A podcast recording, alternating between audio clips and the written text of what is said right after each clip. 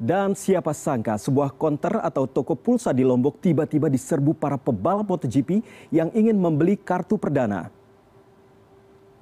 Pemilik toko pulsa bernama Rian tak menyangka lapak jualannya didatangi pebalap dunia. Salah satunya Fabio Quartararo dan timnya selasa siang.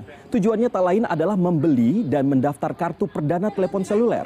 Sontak warga yang ada di sekitar pun langsung mengabadikan momen ini. How are you, man? Tak hanya ke toko pulsa, Quartararo juga menyempatkan jalan-jalan dan membeli souvenir khas Lombok di kawasan Pantai Kuta. Meski sempat diikuti hingga ke mobilnya, lihat saja ini. Pebalap asal Prancis tersebut tidak terlihat terganggu dan melayani sapaan anak-anak tersebut dengan sabar dan ramah. Fabio. Fabio, say something about Lombok.